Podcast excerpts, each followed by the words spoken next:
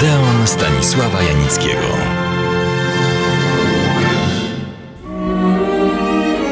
Przed tygodniem opowiedziałem Państwu o filmach polskich, które weszły na ekrany kin w roku 1917, a więc roku poprzedzającym odzyskanie przez Polskę niepodległości.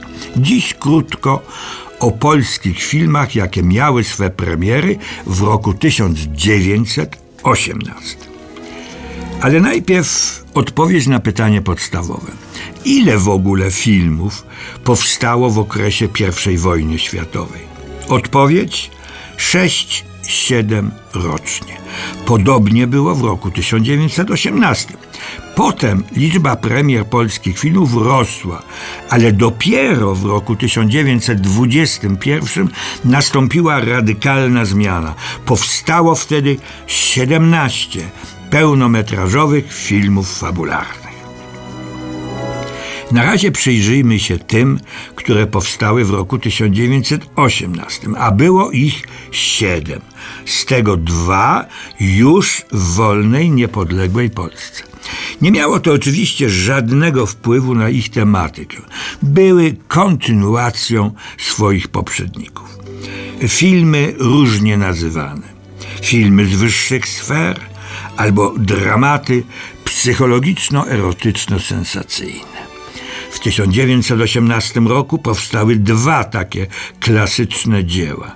Pierwszy nosił wymowny tytuł Złote bagno. Znana jest tylko obsada. Wyborna. Kazimierz Junosza Stępowski grał barona, Halina Bruczówna jego żonę, Józef Węgrzyn ten trzeci, Paweł Owerło przemysłowiec.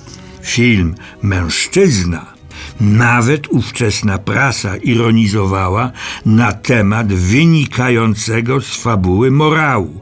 Oto on.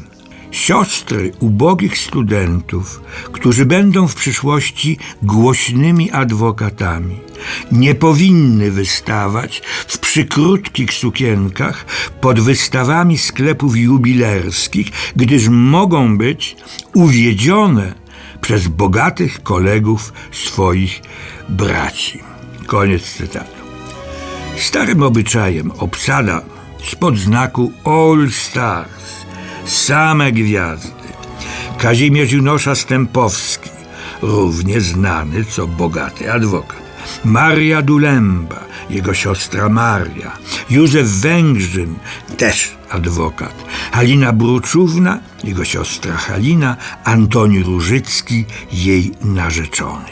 Seweryna Broniszówna jako zawoalowana dama.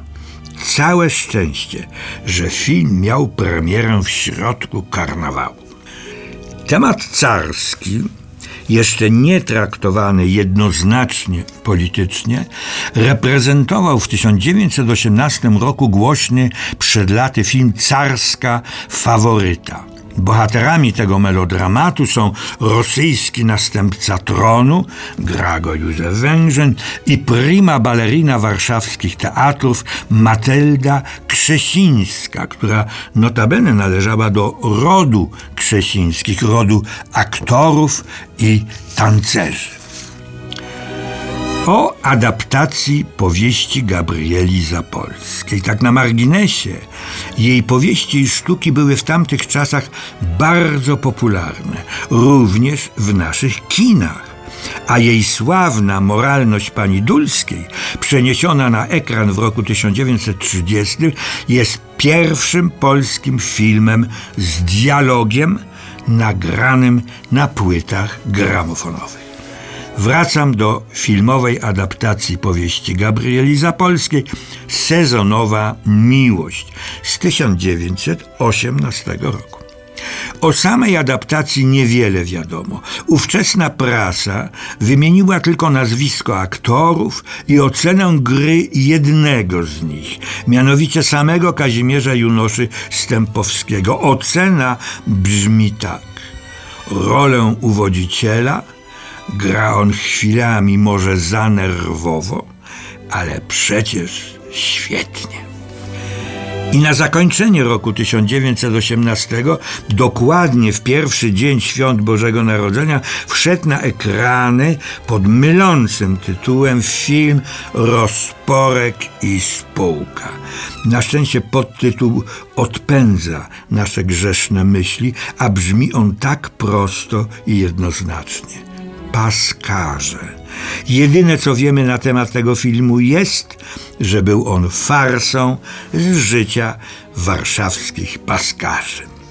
I moglibyśmy o tym kinematograficznym dziele spokojnie zapomnieć, gdyby nie to, że reżyserował go i gra w nim jedną z głównych ról nie kto inny jak Konrad Tom, król polskich, ściśle warszawskich kabaretów, artysta wszechstronny jak mało kto, aktor, scenarzysta, autor sketchów i słów piosenek, literat, reżyser sceniczny, filmowy, konferencjer, dyrektor teatrów i wszystkie te czynności wykonywał perfekcyjnie.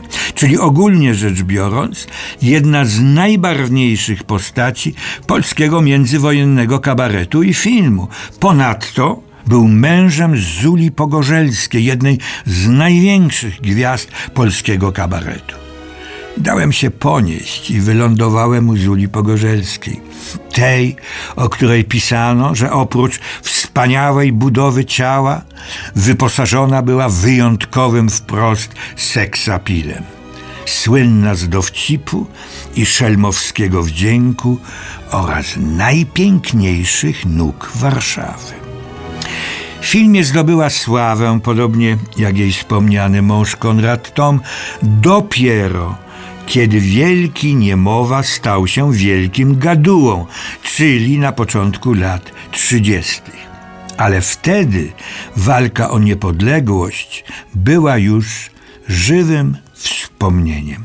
Wrócę oczywiście do tych filmów jeszcze, ale to już za tydzień.